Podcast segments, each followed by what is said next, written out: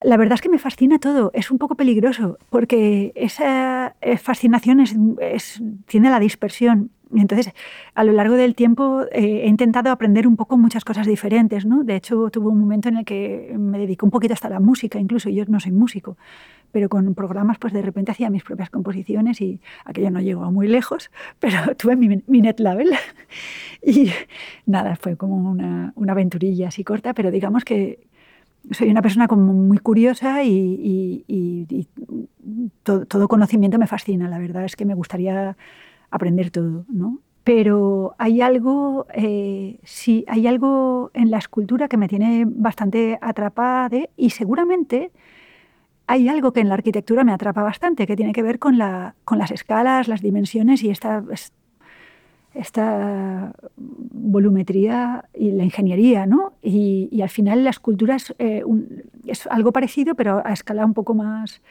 eh, prosaica, digamos. O sea, puedes hacer intentos parecidos, pero con muchos menos despliegue de medios, ¿no? Eh, probablemente lo que haces también tiene un impacto menor y tampoco necesito yo tener un impacto gigante, o sea, ya un impacto menor ya me va bien. O sea, me fascinan y me atrapo con las cosas que me conmueven de alguna manera. ¿no? Muchas veces me pasa con algunas cosas, con todas no, pero con, ¿no? lo típico que de repente vas a ver una exposición de dibujos de un amigo tuyo y dices, jo, ¿por qué no dibujo más? Si es que se nota que ha disfrutado un montón y esto es maravilloso y está contando un montón de cosas sin palabras y no sé qué, ¿no? O cuando vas a ver una película y la han hecho con, con el móvil y le han puesto la música y es increíble y cuenta la vida de gente increíble y dices, si es que podríamos hacerlo, ¿por qué no lo hago más, no? Esto pues un poco me pasa y, y me pasa que creo que, que me tengo que comprometer con ciertas cosas y, y he decidido que, que la práctica de momento va a ser esa, hacia la escultura. Aunque ya te digo que es, es, una práctica con muchos tentáculos, o sea, como que toca la escritura, toca la imagen, eh, toca lo físico, eh, me estoy intentando acercar a la performance también, eh, trabajando con, con, gente y no digo que no trabaje conmigo misma incorporándolo también al proceso, pero de momento me gusta eh, ver qué sucede si yo me retiro y me pongo en un segundo plano. ¿no? no tengo esa necesidad de estar presente. O sea, creo que el trabajo ya habla por sí solo. Pero hay algo que tiene que ver con los cuerpos en, en escena o con, o con, los cuerpos y la materia que, que me está interesando mucho. Fons Audio. Obres de la col·lecció MACBA explicades pels artistes. Lucía Cepino. Bueno, digamos que pasan varias cosas que se conectan. Al final hay algo curioso en la práctica artística y con algunos compañeros de profesión lo hemos hablado a lo largo de los años y hay una tendencia a, de alguna manera, eliminar lo biográfico y a contar solo eh, el trabajo como si fuese algo completamente aislado y hay otra manera que es eh, que tiende a mezclarlo. ¿no? Yo durante un tiempo participé de aquello de dejarlo biográfico aparte, como da igual, o sea, lo que importa es lo que haces, y, de un tiempo a esta parte pienso que es imposible, hacer, o sea, y aparte creo que es una pequeña traición no hacerlo, y, y estoy intentando, eh, bueno, es que al final las cosas influyen, entonces no es que lo estoy intentando, es que tienen un peso que no puedes eh, saltarte, ¿no? Entonces, eh, por ejemplo, ahí influye que yo vengo de comunicación audiovisual, que estudié en la Universidad de Valencia, eh, porque yo en aquel momento quería ser directora de cine. Eh, yo, pues bueno, eso, quería ser como Marguerite Duras o Chantal Ackerman. Entonces, para estudiar en la pública, la única manera de hacerlo era pasar por comunicación audiovisual, porque no existía estudios de cine públicos en, en la Universidad de Valencia. Entonces, en aquel momento, comunicación audiovisual era una facultad muy nueva y estaba muy ligada a teoría de los lenguajes, que venía de filología. Entonces, eh, nosotros estudiábamos mucho cosas que tenían que ver con lingüística, cosas que tenían que ver con eh, semiótica, con incluso gramática y, y, idiomas, bueno, no sé, eh, digamos que estudiábamos teoría crítica y pues estructuralismo y cosas de esas, leímos un montón a Adorno y a un montón de gente que, bueno, ahora ni siquiera me acuerdo mucho, ¿no? Pero de alguna manera hay, un interés y un, y un, reconocimiento en que el lenguaje es un poco un instrumento articulador o una herramienta que articula cosas y que eh, puede ser eh, transmisor de conocimiento y, puede ayudar a, configurar mundos posibles. En ese sentido, lenguaje, o en algún momento se ha llamado texto, esas palabras como que van cambiando en el tiempo, ¿no? Pues era un poco todo. ¿Qué es objeto? Objeto puede ser un texto. ¿Qué es escultura? Pues para mí también es un poco amplio. Es como, eh, podría ser, eh, no sé si Quiero decir que, por ejemplo, el sonido puede ser escultura. Para mí lo es completamente. O sea, es que además eh, hay gente que lo trabaja de una manera en la que eh, hasta podrías casi verlo, ¿no? como una barrera que puedes atravesar, no sé, te atraviesa el cuerpo, yo qué sé. La iluminación también forma parte de ello. O sea, hay gente que trabaja la iluminación. Estoy pensando en Jim Starrell, por ejemplo, otras personas que te hacen percibir los espacios como de una manera eh, completamente, no diré que irreal, porque es la realidad, pero vaya, como que construyen muros de luz que te hacen percibir como que más allá de ellos no hay nada o que a partir de ahí hay un abismo, un, no sé, es muy loco eh, cuando ves esos trabajos. Piensas, jolín, es que hay un montón de cosas eh, que, que pueden construir eso, ¿no? realidades posibles, mundos posibles, y todas ellas, desde luego, también juntas, eh, cuanto más rico es eh, una experiencia, pues eh, más posibilidades tienes de, abrir la mirada o el oído o la percepción en general. En el caso de la escultura, yo en general no sé cómo, como piensa el resto de la gente, pero a mí sí que me gusta pensarla espacialmente y en relación de unas cosas con la otra. Sí que me imagino como que aparece la narrativa sin querer. O sea, me gustaría que no siempre estuviera presente, pero de alguna manera aparecen narrativas, ¿no? Y, se, interconectan. O sea, es como que de alguna manera estás coreografiando cosas que van a suceder en un, en un espacio, aunque estén quietas aparentemente, ¿no? Me gusta pensar en eso, en, un, en una especie de espacio que contiene y una serie de cosas como de elementos que se relacionan entre sí. Y eso, eh, no sé, para mí es, es, gozoso y es un poco... No, no, entiendo la escultura de otra manera. O sea, me cuesta mucho pensar, voy a hacer una escultura sola. O una, no es como trabajas en serie probando cosas, vas probando y de, muchas, pues a lo mejor decides que van a funcionar dos o tres, pero has hecho como un montón antes y por el camino se han quedado porque eran necesarias para que llegaras a algún lugar que, que te puede parecer que te puede parecer interesante formalmente, ¿no? Y hay, hay mucho que tiene que ver bueno, con lo de despegarse de la pantalla, ¿no? Decía. Y de hecho, sin querer, sigo estando mucho en la pantalla, eh, leyendo artículos, viendo noticias.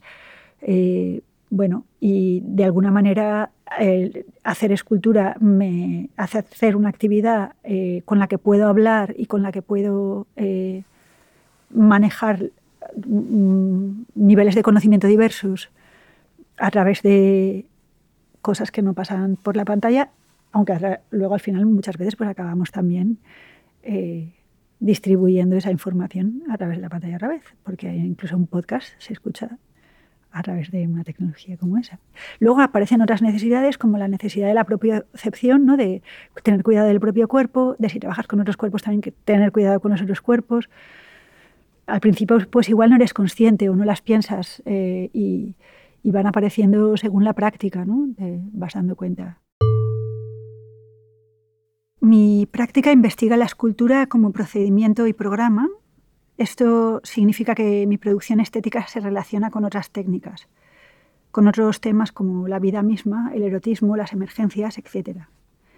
La iconografía trae referencias de la sociedad y eso también implica que la forma no está cortada de la realidad, eh, es afectada por ella y espero que afecte a la realidad también, de alguna manera que hay muchos intereses y referencias en torno a cine, música, poesía, literatura, ensayo, cómic, archivos, hay como todo una serie de, otras cosas que atraviesan y que de alguna manera están ahí. Y me gusta que estén ahí. Eh, a veces son como más fáciles de reconocer y otras veces es eh, un poco más eh, abstracto, más opaco y probablemente hay que hacer este ejercicio un poco didáctico de hacerlas abrir. ¿no? Durante un gran periodo estuve influenciada por algunas teorías que eh, vienen de la ontología orientada a los objetos, los nuevos materialismos, leyendo a Donna Haraway, a Bennett o Karen Barat. A Karen Barat no la entendí mucho, debo decirlo, pero yo, yo lo intento, yo la voy leyendo. Eh, estas lecturas me hicieron eh, tender a formas abstractas, explorando las cualidades de los materiales, sus relaciones entre ellos y los comportamientos que tienen, las estructuras que los sostienen, los métodos que necesito para que puedan funcionar, pensando en la posibilidad de simbiosis y no parasitismo, ensayando situaciones equivalentes entre materiales, público, arquitectura, narrativa y así sucesivamente. En este en esta manera de entender y con estas lecturas recientes eh, hice el trabajo de eh, eh, Non-Slave Tenderness, que es el que se muestra aquí en, eh, una parte de él se muestra aquí en, en el MACBA. En ese momento, bueno, la comisaria Alexandra Laudo era la persona que hacía el ciclo entero del año, se llamaba La posibilidad de una isla. Entonces, era un encargo de hacer tu práctica escultórica un poco en, ese marco, ¿no? de lo que puede ser eh, una sociedad o un, pensamiento aislado, o, cómo te lo puedes llevar un poco a, tu terreno de práctica. Y yo me lo, me lo llevé un poco a, esa, a una situación en la que intentaba encapsular eh, como una situación ambiental de alguna manera, ¿no? O sea, como que tú, como es, es, un espacio cerrado, no tiene, pues un poco como, como este, no tiene ventanas, no, tiene, no entra nada de luz solar, está bastante aislado sonoramente. Y es un poco un cul-de-sac ahí en, en, la Fundación Miró. Tú entras, das un paseo por este espacio que es maravilloso y que además tiene vistas a la ciudad y de repente llegas a un momento en el que hay como estas escaleritas que bajan a un sitio donde no puedes eh, ni entrar ni salir ni hacer nada más que estar allí y volverte a ir. Entonces eh, lo planteé como, bueno, pues eh, desde la escalera que bajas, una especie de umbral que te hiciese de portal para entrar a un lugar en el que tú sabes que estás en un lugar completamente diferente del el espacio anterior del que vienes, ¿no? que es un espacio como muy luminoso, muy colorido, lleno de miros, de calder, no sé qué. Y entonces ahí lo que hice fue trabajar con, con escultura desde el plano. O sea, eh, pedí los planos y entendí que, bueno, este pasillo que había, eh, pues hay muchas maneras de usarlo, ¿no? Hay gente que lo cierra, hay gente que lo obvia, hay gente que lo concentra todo allí. Eh, a mí se me ocurrió la idea de hacer que el, plano fuese una especie de madre nodriza. y entonces puse unas baterías de coches que con un sistema de Arduino eh, se alimentaban de la electricidad, de la corriente eléctrica de noche y durante el día iluminaban el espacio de la sala. Estas baterías estaban conectadas a focos de tractor y el foco de tractor estaba puesto en unas barras de hierro a la altura de la, bueno, más o menos, de la cabeza del público, o sea, entre metro eh, 60, algo así, no, mucho más alto, un público medio. Entonces, eh, nada más entrar al espacio, eh, si intentabas pasar por la sala, de repente estas luces en, el, en, ese pasillo te cegaban de alguna manera, ¿no? Entonces ya te ponían en disposición de estar como, hey, cuidado, porque aquí ya se nota como que hay cosas como delicadas, había como unos hierros pinchosos en el suelo también, bueno. Este sistema de iluminación estaba cerrado eh, por unos eh, plásticos eh, termoconformados que los curvamos con unas grapas de hierro que hice en colaboración con el artista David Mutiloa. Estas grapas de hierro lo que hacían era prensar un poco el, metacrilato y lo abombaban. Y entonces lo que sucedía en el pasillo tú lo veías pero no podías acceder a ello. Y, creamos una puerta falsa por la que nosotros y los técnicos sí que podían entrar a los lados y pasaba algo. Bueno, esa era eh, un poco el origen de toda la energía que iba a alimentar eh, a los cuerpos que iban a estar allí en el, en el espacio. Las esculturas eran como, bueno, de alguna manera eh, hay unos elementos como más claros que son justo los que, los que están aquí, que estaban creados de escayola, metacrilato, un elemento metálico, hay varias, varios materiales eh, que aluden a, cuestiones de, solidez y a cuestiones de fragilidad. ¿no? O sea, hay como elementos bastante sólidos, incluso a la vista son como muy sólidos, elementos que son intermedios y otros que son extremadamente frágiles. O sea, que sabes que si te acercas has de con cuidado porque mm, parecen cristal, no lo son, al final es metacrilato, pero es incluso más frágil que el cristal. Entonces, eh, estos eran unos cuerpos que tenían eh, un elemento lumínico que venía de este pasillo, estaban conectados ahí a ese pasillo, y tenían también unos audios. El audio lo hice en colaboración con Oscar Martín Correa, que es un artista, bueno, él es programador, es em, compositor y es... Eh, mm, no sé qué más decir, es muchas cosas. Eh, y bueno, trabaja bajo el paradigma de software libre y, con, eh, y Creative Commons y así. Y él me ayudó en la parte técnica, me ayudó con la composición eh, sonora y me ayudó también pues, a, programar todos los arduinos, ya que toda la, toda la instalación de alguna manera estuviese para mí un poco viva, ¿no? como que hubiese movimiento de cosas y flujo de materia que no siempre es visible. Tenemos a, pensar que la escultura es algo eh, que tiene un, volumen, que se le puede rodear, que, tiene una apariencia y que tiene una solidez. Y a mí me gustaba poner en, escena, de alguna manera, elementos que son parte de la escultura y que no necesariamente puedes tocar o puedes ver. Yo tenía la fantasía en ese momento de poner en circulación agua también. O sea, había cables en el suelo, estas esculturas Luego había unas esculturas también, yo le llamaba glóbulos rojos porque entendía como que la cosa era una especie de cuerpo, de, alguna manera. Y entonces estos glóbulos rojos eran como unas eh, esculturas en forma de pinchos que, bueno, bastante punzantes, estaban en el suelo y estos eran como los mecanismos de defensa de los cuerpos más frágiles, ¿no? Esta mi fantasía sobre la cosa. Y entonces luego teníamos una bomba de agua y hicimos eh, que de unos depósitos, eh, de unos bidones, eh, unas mangueras de goma, cogiesen el agua, la, la, hiciesen circular por, un, por estos tubos y los tubos acababan transformándose en tubos de vidrio. Entonces dibujamos un circuito para el vídeo que podía haber sido cerrado, pero decidimos que fuese abierto y era como que el agua llegaba, estaba casi a punto de salirse y volvía a bajar y hacía este movimiento.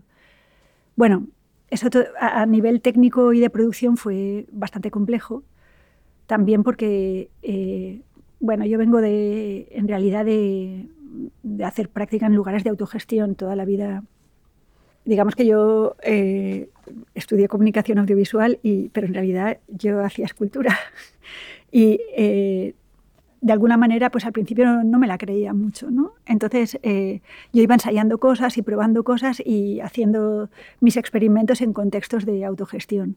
Y entonces mm, un poco descreí del sistema del arte, de las galerías y todo eso, porque me parecía que era un sistema del arte al que yo probablemente no podía pertenecer por una cuestión de clase y porque tampoco bueno, no estaba familiarizada con, yo qué sé, con el contexto lo que sea, y entonces me sentía como más cómoda trabajando en esos otros contextos.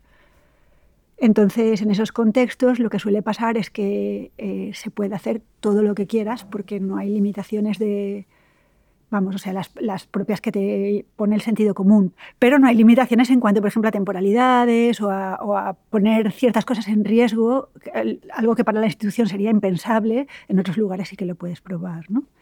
Entonces, de repente, esto que habíamos dibujado sobre plano, llegamos allí con los técnicos y nos dijeron, agua y cables juntos no puede haber.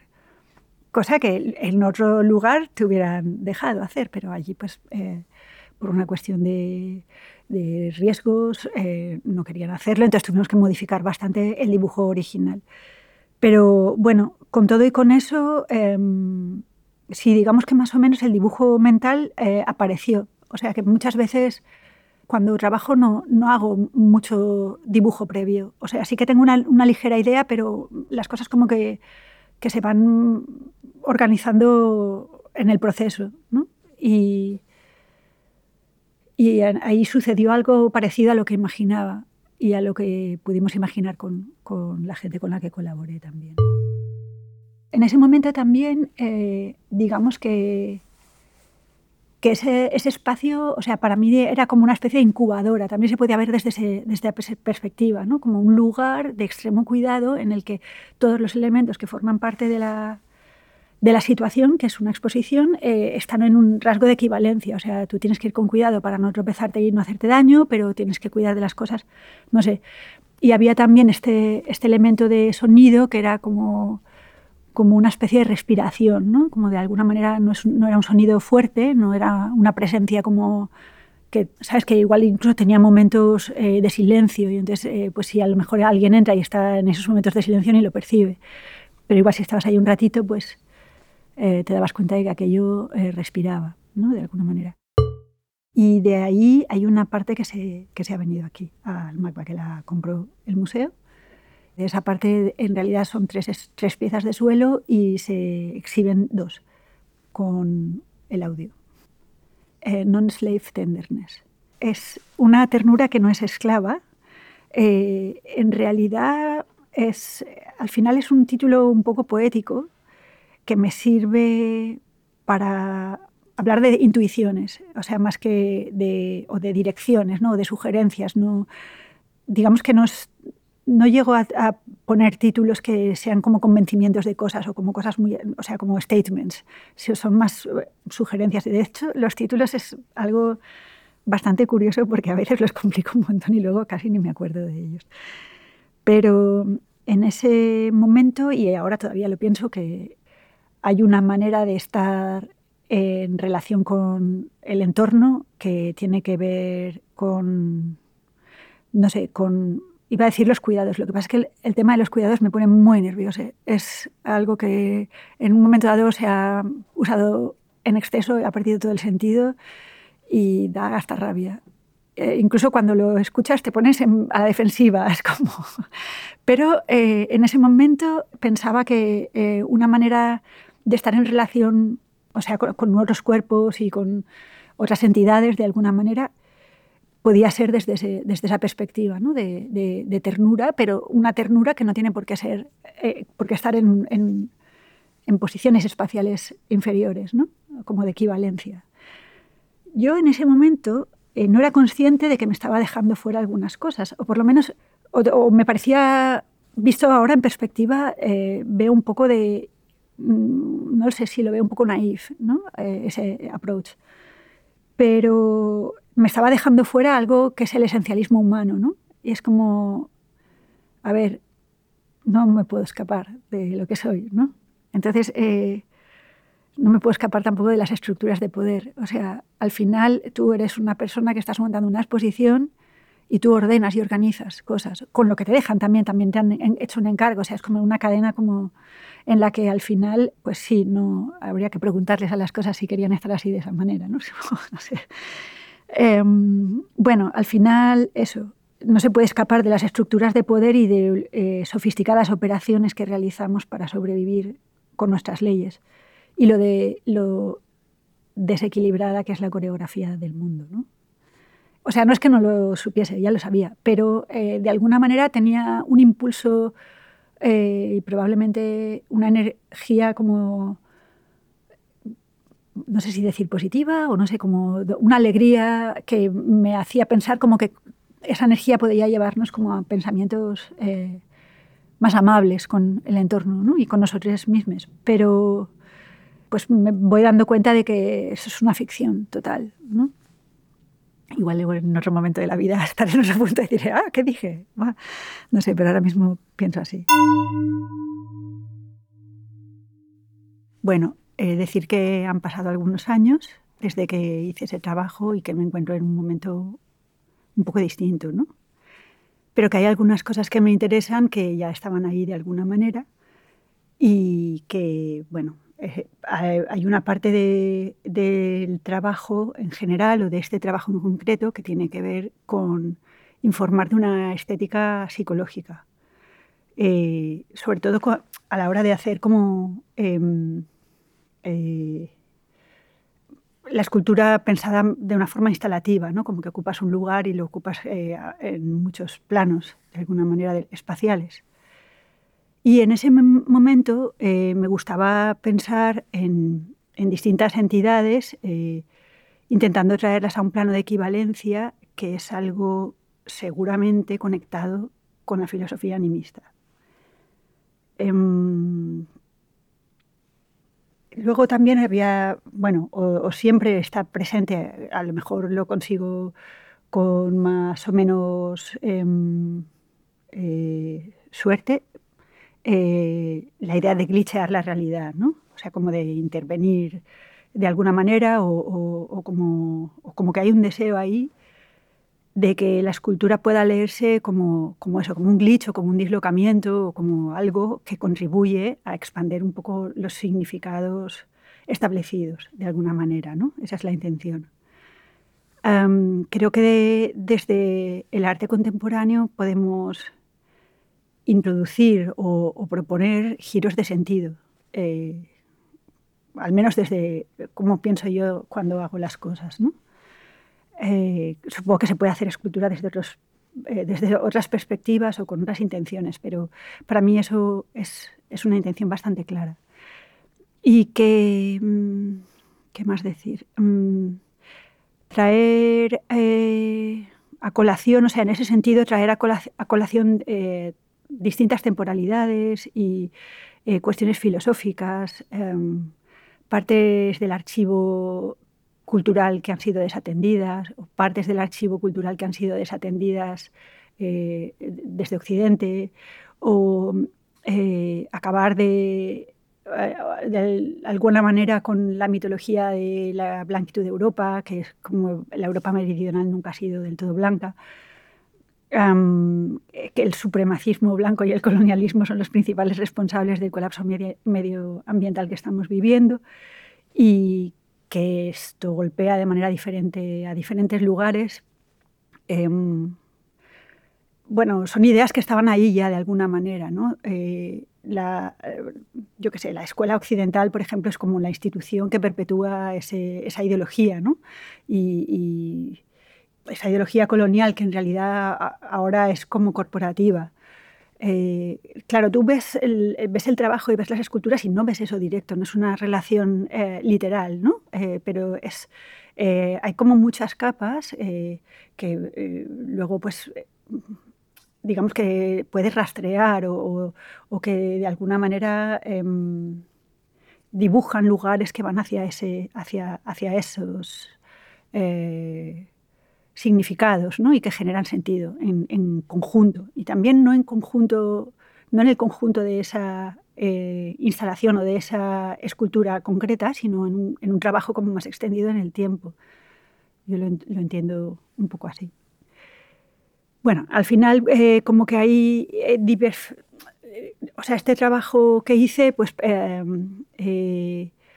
planteaba de alguna manera eh, un imaginario de ficción. ¿no? Me había fijado bastante en algunos relatos de ficción o de ciencia ficción y, en realidad a mí me cuesta a veces diferenciar eh, entre qué es ficción o qué es eh, realidad, porque hay, algo que tiene que ver con el relato que, o con, con la epistemología, ¿no? con el conocimiento y cómo se cuenta y cómo se y cómo se transmite, eh, que parece que hay como, una, como distintas versiones de lo que es lo real o, algo así que pugnan entre sí. Y esta, esta manera de, una manera, esta, disputar eso es eh, disputar la posición de verdad, ¿no? Al final. Entonces, eh, parece que con el tiempo, o que esto ha sido cíclico a lo largo de la historia, han habido saberes menores y conocimientos subalternos que van tomando espacio y que se abren paso con toda la resistencia y la confrontación de los que ostentan situaciones de poder. ¿no?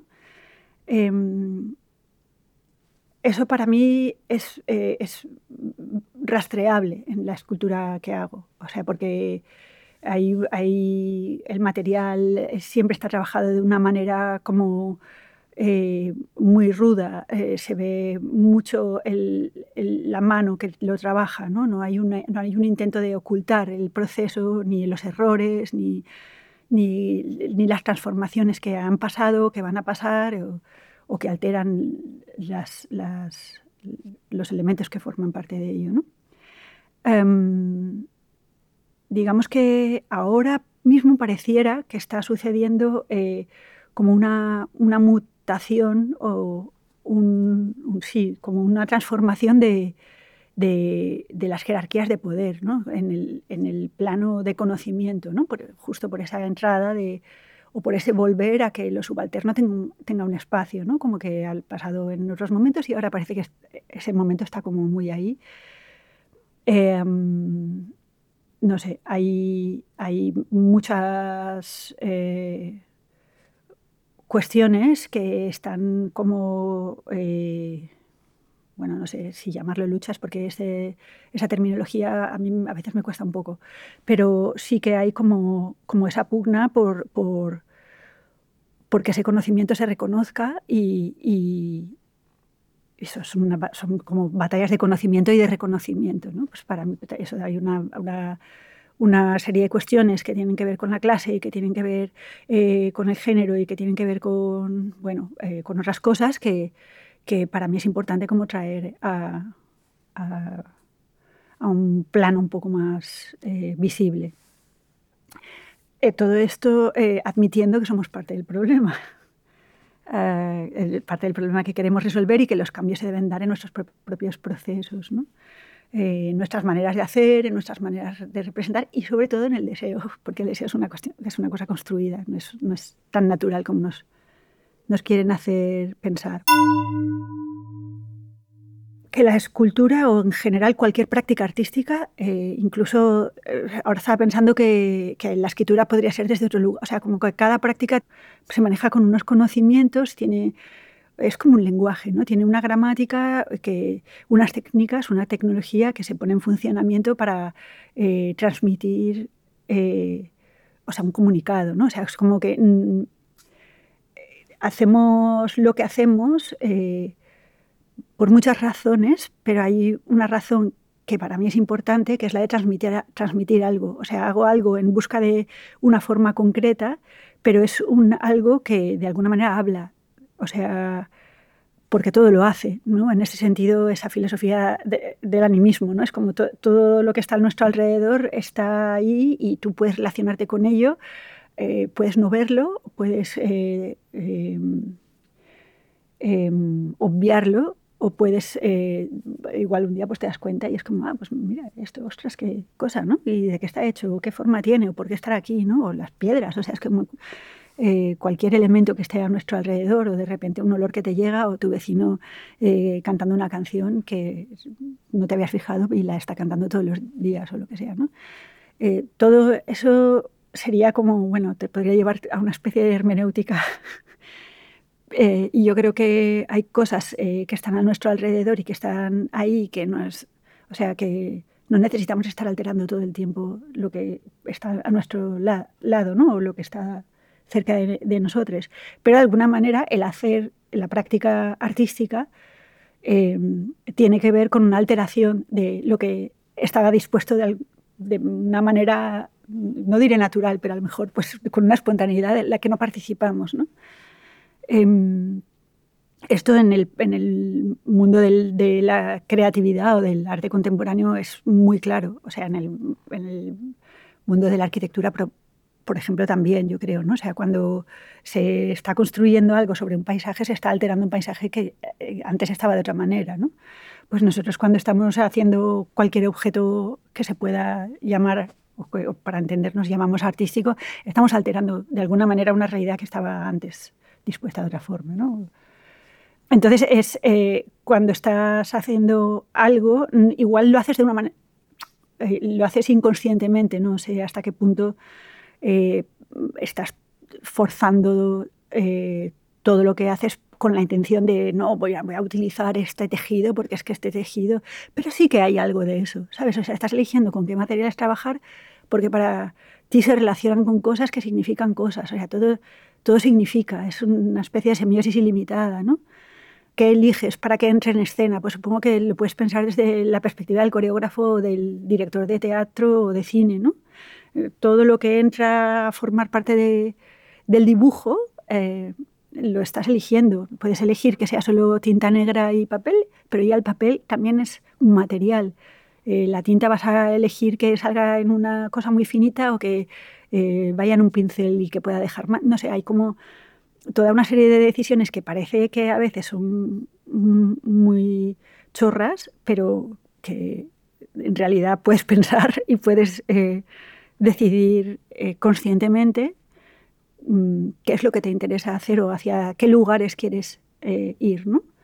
Es una cuestión de opciones y de elecciones y, creo que, que los que nos dedicamos a esta práctica somos o, deberíamos ser conscientes de ello.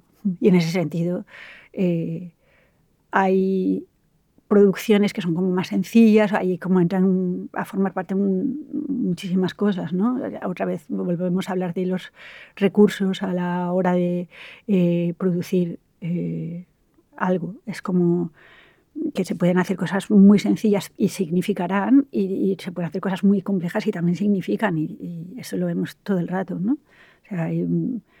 A mí en general producciones que son a veces como muy muy costosas y muy ostentosas me generan un poco de rechazo. Es como que parece que estamos jugando a, a ver quién la tiene más grande, ¿no? Y, y, eso, bueno, pues puede tener un interés de escala, pero hay algo ahí que, que, a mí me tira un poco para atrás.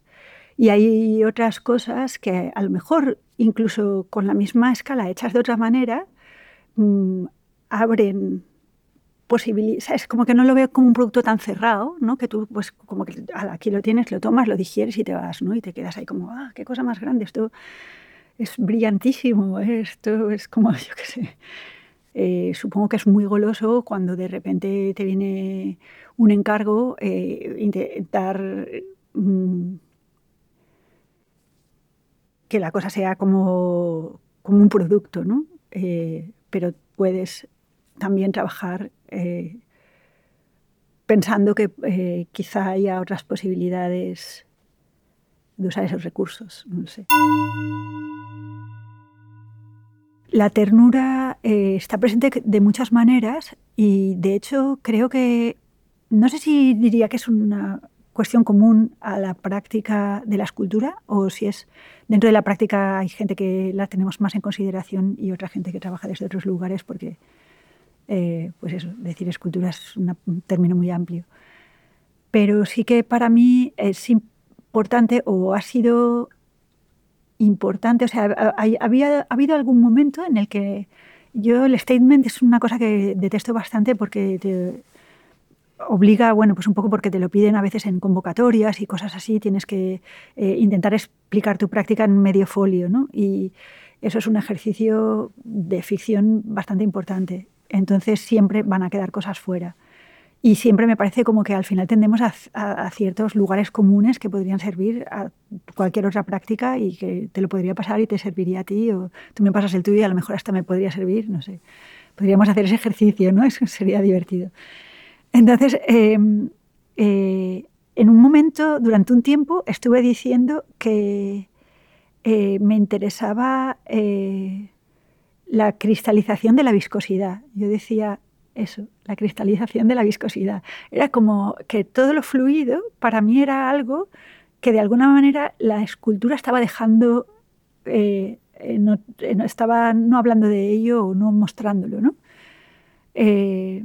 probablemente desde mi ignorancia de no ser historiador y no saber tampoco que seguramente hay mucha gente que estaba ya practicando eh, en, este sentido. Pero sí que eh, también pues desde una mirada transfeminista o, mirando estos archivos ¿no? y viendo que, hay algo que tiene que ver con los fluidos que de alguna manera pues no está apareciendo o a mí no me parecía que estaba muy presente. ¿no? Y era como yo desde mi propia práctica de la escultura puedo traer eso a, la experiencia. ¿no? Entonces, eh, para mí eh, podía funcionar a través de, eh, eso, de, mostrar, por ejemplo, elementos tiernos en el sentido de en el estado en el que están blandos, en el estado en el que están líquidos. Eh, por ejemplo, hay, una, una, serie de fotografías que, que, tengo que muestran de alguna manera dedos con fluidos, que podrían ser fluidos vaginales, pero podrían ser perfectamente cualquier mucosa eh, pues eso, ¿no? Eh, desde cuestiones, eh, productos alimenticios o cualquier cosa podría tener una fluidez parecida y haces una foto y parece lo mismo. Pero sí que me interesaba un poco mostrar esa cosa fluida o, por ejemplo, cuando estás trabajando con la resina, la resina tiene un tiempo de aplicación limitado. Entonces, eh, si durante esa aplicación, por ejemplo, caen gotas, esas gotas eh, tienen como un aspecto muy fluido, ¿no? Pero si la estás, por ejemplo, colando en un molde, el molde va, va a permanecer fluido minutos. En minutos se queda como una roca, se queda súper duro y ya todo eso ha desaparecido. Cuestiones como la transparencia, eh, lo blando, eh, hay una serie de cualidades de los materiales que me parecía y bueno, me gustaba mucho que, se viera que están ahí de alguna manera o hacerlos lo más duraderos posibles, ¿no? como que ese momento de, de blandez me gustaba que estuviera presente. Y de hecho, eh, hay una arquitecta que me gusta eh, mucho, que es María Langarita, eh, que habla de la arquitectura, ahora no me acuerdo cómo lo, cómo lo dice, pero... ah, vale, busto y pellejo, lo llama busto y pellejo. María, María Langarita. El busto sería toda la arquitectura que es más sólida y que va a permanecer en el tiempo, que forma parte de programas de conservación y que tiene que ver con piedras, metales, elementos estructurales de base. Y lo pellejo sería todos estos elementos que son más, que tienen temporalidades más cortas como podrían ser los textiles, eh, ¿no? todo lo que son los toldos, eh, lo que es todo el aparataje urbanístico, por ejemplo, estas, eh, no sé si cosas así que hacen sombra, que luego desaparecen, ¿no? que los cañizos, que igual tienen una durabilidad, luego se han de cambiar, pues todo eso en, urbanismo y en arquitectura para ella es lo pellejo. Y yo en una, durante un tiempo pensaba que hacía, que hacía escultura de pellejo. también me gustaba esta cosa como eso, ¿no? Como que el cuerpo ya es bastante pellejudo, ¿no? Como al, en el paso del tiempo, estas, formas que tenemos que son como más apretadas, cuando pasa el tiempo es como que se van convirtiendo en blanditas, ¿no? Y eso me hacía cierta gracia. Eh, muchas veces me gustaría trabajar con ciertas cosas, pero al final trabajo con lo que puedo y depende muchísimo de las condiciones de producción. Eh, esto, bueno, pues eh, nos podría abrir puertas a hablar de muchas cosas, pero bueno, a mí de los materiales me interesa... Eh, me interesa, eh, bueno, no es que me interesa, es como que para que una escultura funcione necesita como de una cierta estructura que la sostenga, ¿no? Depende de, claro, se pueden manejar muchos niveles ahí, desde cosas como muy planitas, que pueden ser planchas y tienen un cierto volumen y ya, ya o sea, que es escultura o que no lo es, ¿no? Es como, bueno, ya ponerse a definir eso también es complicado pero eh, a mí me hace ilusión un cierto volumen y un cierto volumen necesita un poquito de estructura. Entonces, hay eh, algunos materiales que van a facilitar que esa estructura se sostenga, ¿no? Y eh, pues desde la madera, por ejemplo, el metal, hasta el propio o sea, un tejido, por ejemplo, trabajado en pliegues o reforzado, hablando, pensando en materiales muy baratos, con cola de carpintero eh, empapada, que se seca, y e, eso ya va creando una cierta estructura y hay como una especie de leyes de la escultura que te van a dejar o te van a facilitar el camino para que una cosa como vaya creciendo y se sostenga un poco en pie. ¿no? Eh, luego hay eh, gente que trabaja desafiando la gravedad y hace verdaderas maravillas, como el caso de Yune Crespo, me encanta. Y me fascina ver estas, estas piezas como que son, eh, tienen una verticalidad o una horizontalidad como tan alargada que a veces piensas, mm, me gustaría ver el muro por el otro lado para ver si está compensado o cómo se sostiene en equilibrio aquello. ¿no? O sea, hay gente que es como muy hábil con esas cosas a mí todo eso me parece fascinante y en realidad eh, es un terreno bastante desconocido. O sea, yo voy aprendiendo un poco sobre la marcha con, lo, con las condiciones que tengo y me voy poniendo un poco en situación de, ir como técnicamente mejorando. Y cuando puedo, porque las condiciones me lo permiten, pues eh, eh, me hago ayudar de gente que a lo mejor controla ciertas cosas más que yo. Y, y entonces puedes confiar en que el conocimiento suma y y te atreves a hacer cosas más grandes.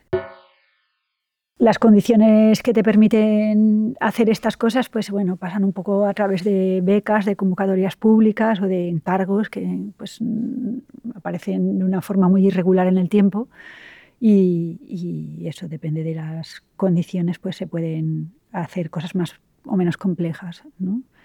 A mí ya te digo que me gusta, me gusta mucho imaginarme el ambiente, eh, sí, como no como piezas exentas, quería decir, la, la palabra que no me salía antes, exentas, así individuales, sino como en relación con, con, las cosas, con el entorno, con quien pueda circular por el espacio. No sé, hay, hay ejercicios que se han hecho a lo largo del tiempo y que tienen que ver también con la idea de, de playground, por ejemplo, que también me interesan mucho, ¿no?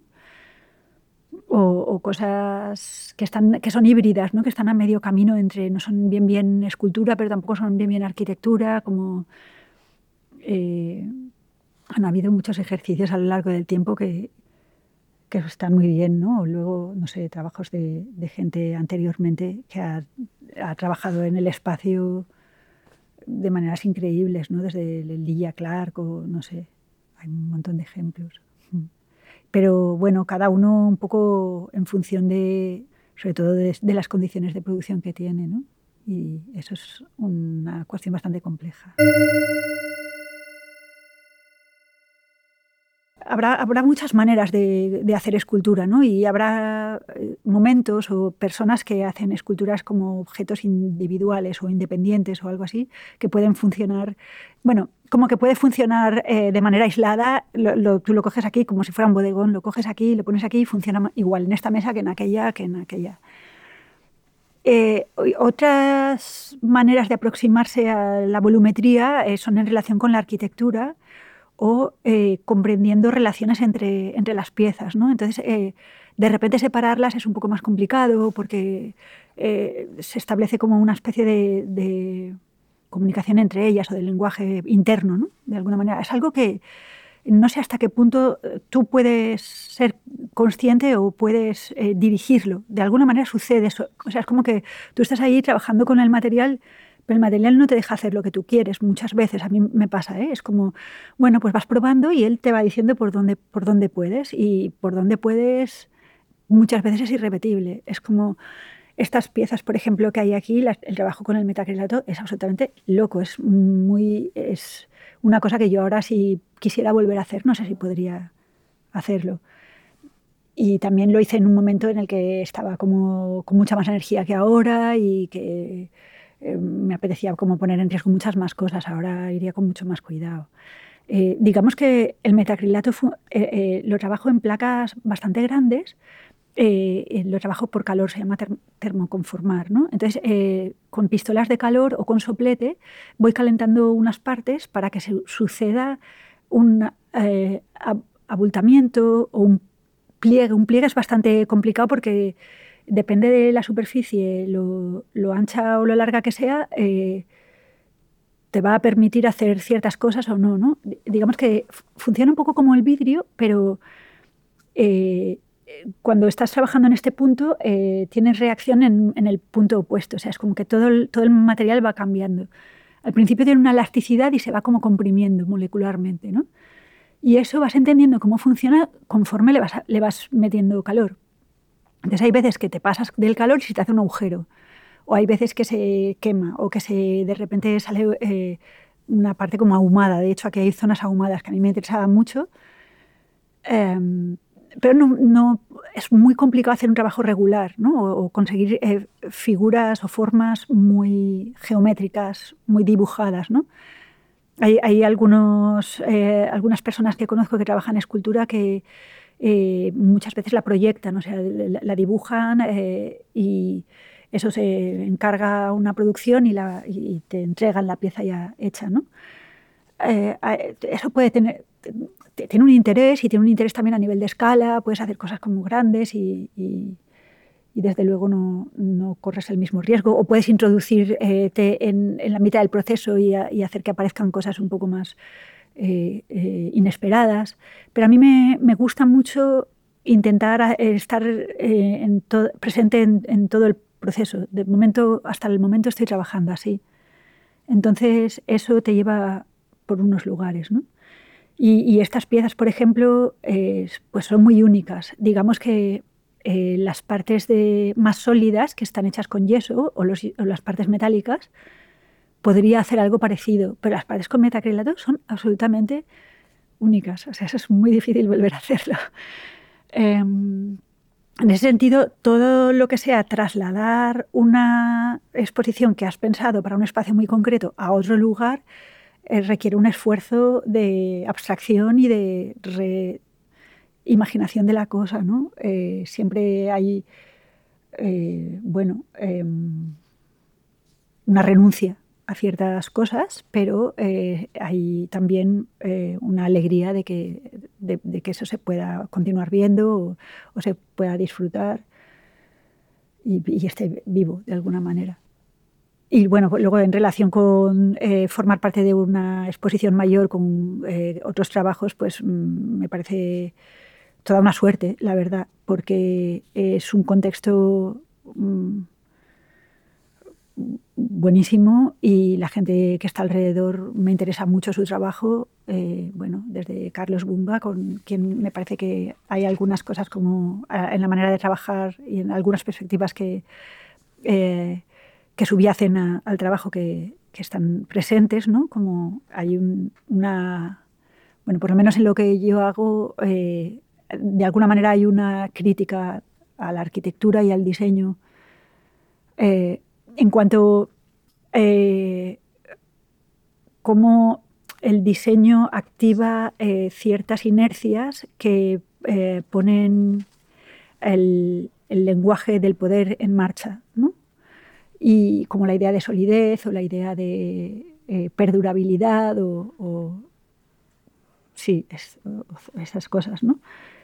Eh, incluso diría lo higiénico, ¿no? como si digamos que todo diseño pasa un poco por esta cosa como de limpieza eh, casi clínica.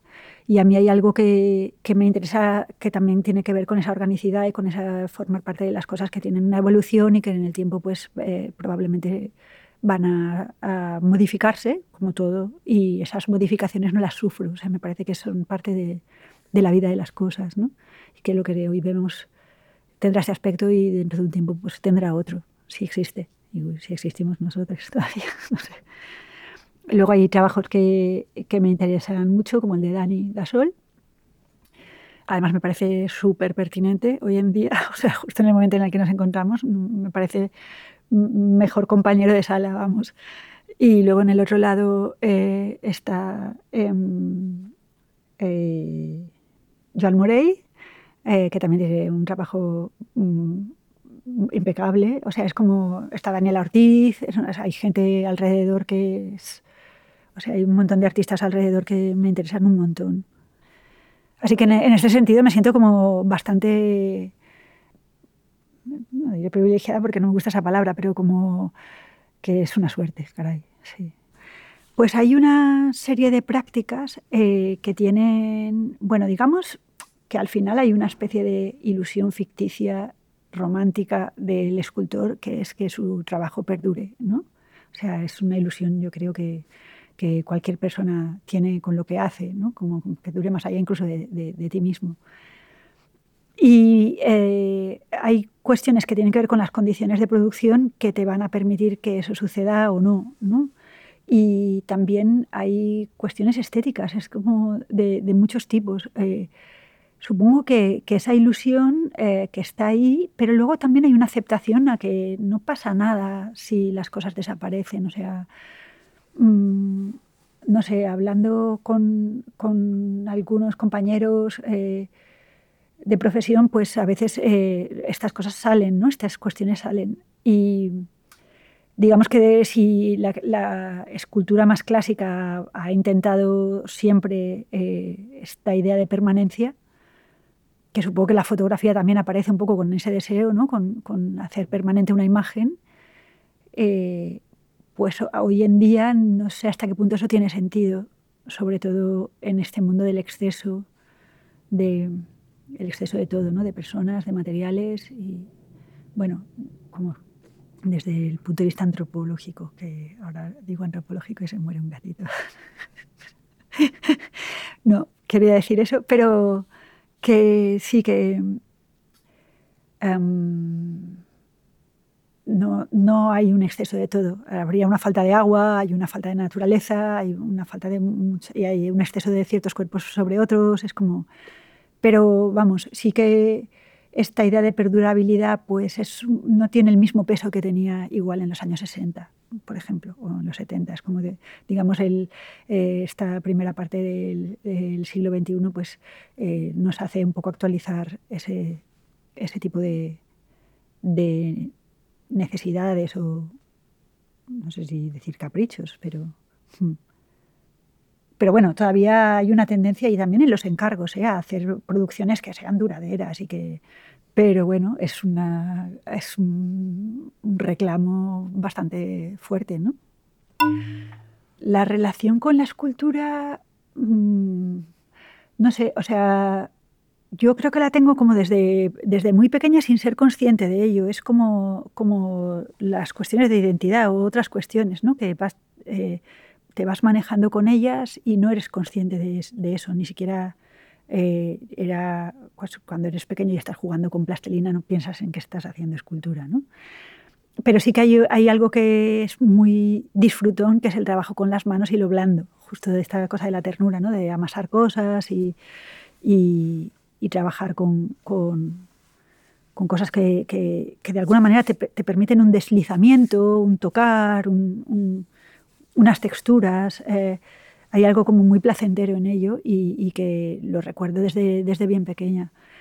Eh, no sé, o sea, yo creo que eh, de broma a veces digo que mi primera escultura fue un pan del colegio y que este pan que no me salía nunca y además me sigue sin salir, o sea, yo no sé hacer pan, me parece fascinante la gente que hace pan, ¿no? Que ahora en, en, en pandemia todo el mundo hacía panes maravillosos y era como, por favor, esto es magia pura, o sea, ¿qué hacen? Eh, bueno, siempre me pasaba que se me quedaba como súper duro por fuera y crudo por dentro. Y era una piedra, que yo no servía para nada. Pero tenía unas formas como interesantes. Entonces yo no las tiraba, yo me las guardaba. Y allí tenía como mis cositas, ¿no? mis churrillos, así. Entonces, eh, bueno, pues de alguna manera, eh, viendo trabajos posteriores, puedo decir con toda tranquilidad que eran, eran esculturas. Pero bueno, también uno hace dibujos eh, cuando es pequeño y tampoco lo ya considera obra. Es que también que lo que, es lo que hace que una cosa funcione o que sea obra de arte o no lo sea, pues no eh, no sé si soy yo quien para decirlo, pero supongo que hay como una serie de estructuras que hacen que eh, cierta práctica sostenida en el tiempo y cierta intención y cierto deseo acaben convirtiendo aquello en algo que forma parte de eh, un organismo mayor o una estructura mayor, que es lo que llamamos arte contemporáneo y, y, entra dentro de ese marco y es lo que a lo mejor hace la diferencia entre que el churro que pueda hacer yo pueda ser escultura y el que hace mi hermano no. Y es como, ¿por qué si son iguales? Pues eso es bastante interesante. Pero sí que hay como, como, un deseo, una intención y una insistencia en un lenguaje y además eh, hay algo como bastante mm, loco si lo piensas, o no me gusta decir la palabra loco, pero como hay como una insistencia eh, muy presente de, de, querer formar parte de ello y de querer, ¿no? O sea, como, por ejemplo, a mí mi familia muchas veces eh, se echan las manos a la cabeza de que yo siendo, o sea, teniendo la edad que tengo, como no tengo ni familia, ni, ni, casa, ni nada, y he trabajado toda la vida y toda la vida el poco dinero que tengo me lo he guardado para hacer mis mierdecillas, ¿sabes? Es como, a ver, tú con lo que, o sea, ni has viajado, ni te has comprado una casa, con, con, todo lo que te has gastado para hacer estas cosas, te podías igual haber hasta comprado una casa, ¿sabes? Y yo no, yo ahí emperrada en no pasar vacaciones y poder pagar el taller, ¿sabes? Pues, pues hay, hay un deseo muy fuerte ahí. Y ese deseo no lo tiene todo el mundo. No sé, hay un deseo y hay como, como una creencia en que todavía hay... Eh, o sea, el arte eh, de alguna manera tiene la posibilidad de afectar y de cambiar el pensamiento. Yo todavía creo en ello.